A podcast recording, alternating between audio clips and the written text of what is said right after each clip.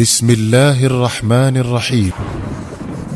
معاذ بن عمرو بن الجموح وأخوه معوذ رضي الله عنهما بينما كان الفتى معاذ بن عمرو بن الجموح في جماعة من أترابه يسرحون ويمرحون بين الماء والظلال والخضرة. طلع عليهم الداعية المكي الشاب مصعب بن عمير رضوان الله عليه. فحياهم في رقة وأنس وخاطبهم في حب ووداد وقال ألا تجلسون إلي ساعة فأحدثكم بما عندي فإن سركم ما تسمعون أتممت وإن أضجركم أمسكت. فنظر الفتية الأيفاع بعضهم إلى بعض نظرات فيها كثير من الرضا والاطمئنان وقالوا بلى. ثم انتظموا حوله كما تنتظم حبات العقد الأنيق حول الجيد الأبلج. فاتجه مصعب إليهم بوجهه الطلق المأنوس وخاطبهم ببيانه العذب المشرق وطفق يحدثهم عن مزايا الإسلام ويزين في قلوبهم حلاوة الإيمان ويكره إليهم الكفر وعبادة الأوثان. فما كاد يتم كلامه حتى تألق وجه معاذ بن عمرو بن الجموح بنور الإيمان ثم نظر إليه وقال كيف أصنع إذا أردت الدخول في هذا الدين؟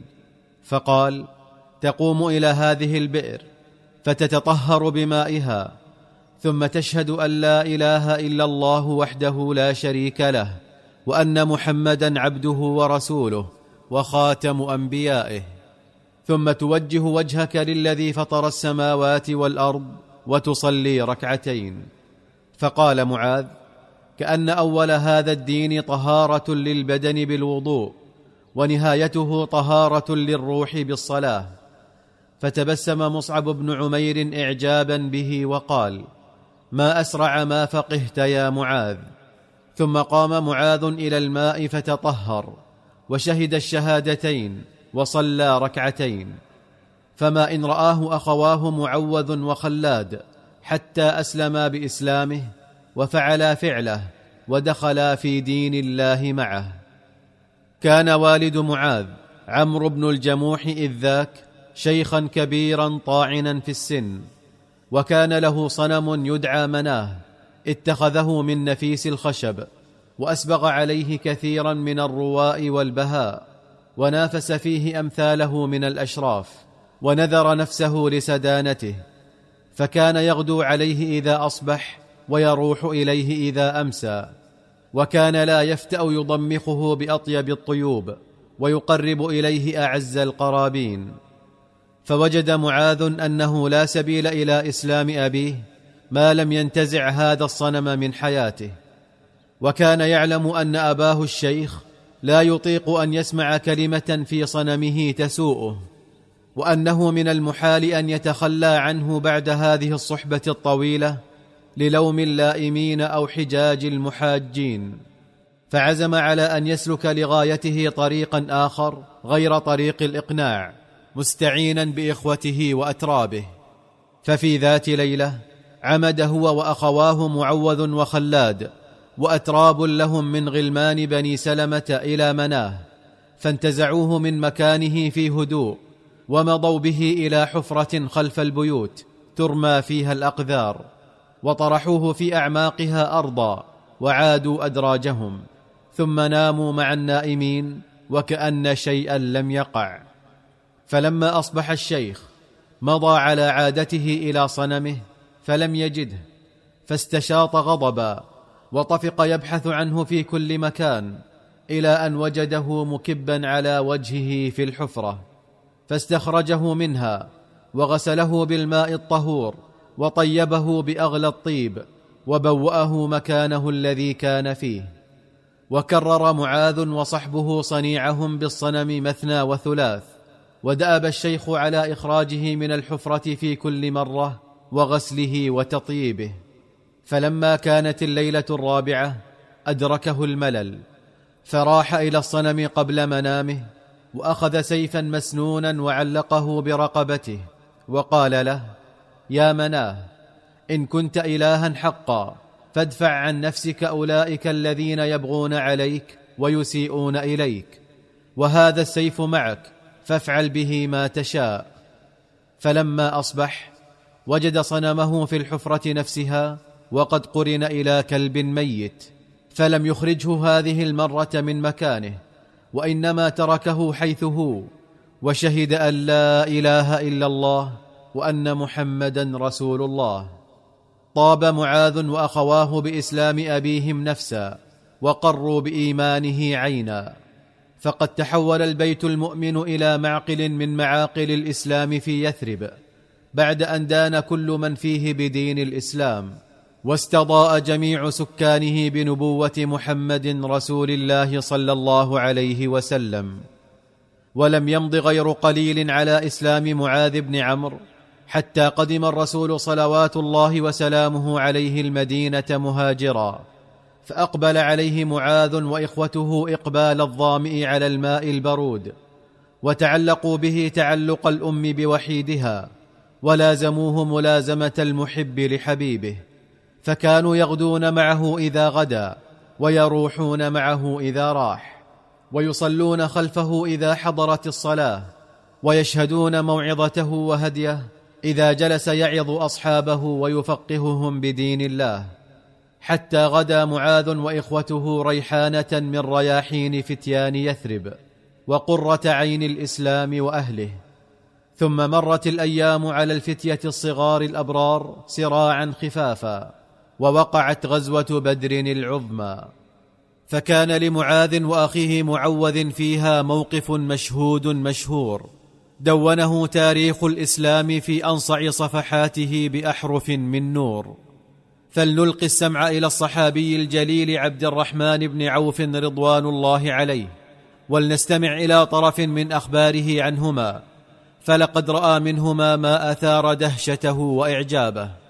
قال عبد الرحمن بن عوف بينا كنت واقفا يوم بدر بالصف نظرت حولي فإذا عن يميني وشمالي غلامان صغير السن من غلمان الأنصار فغمزني أحدهما فدنوت منه وقلت أتغمزني أنا يا بني؟ قال نعم.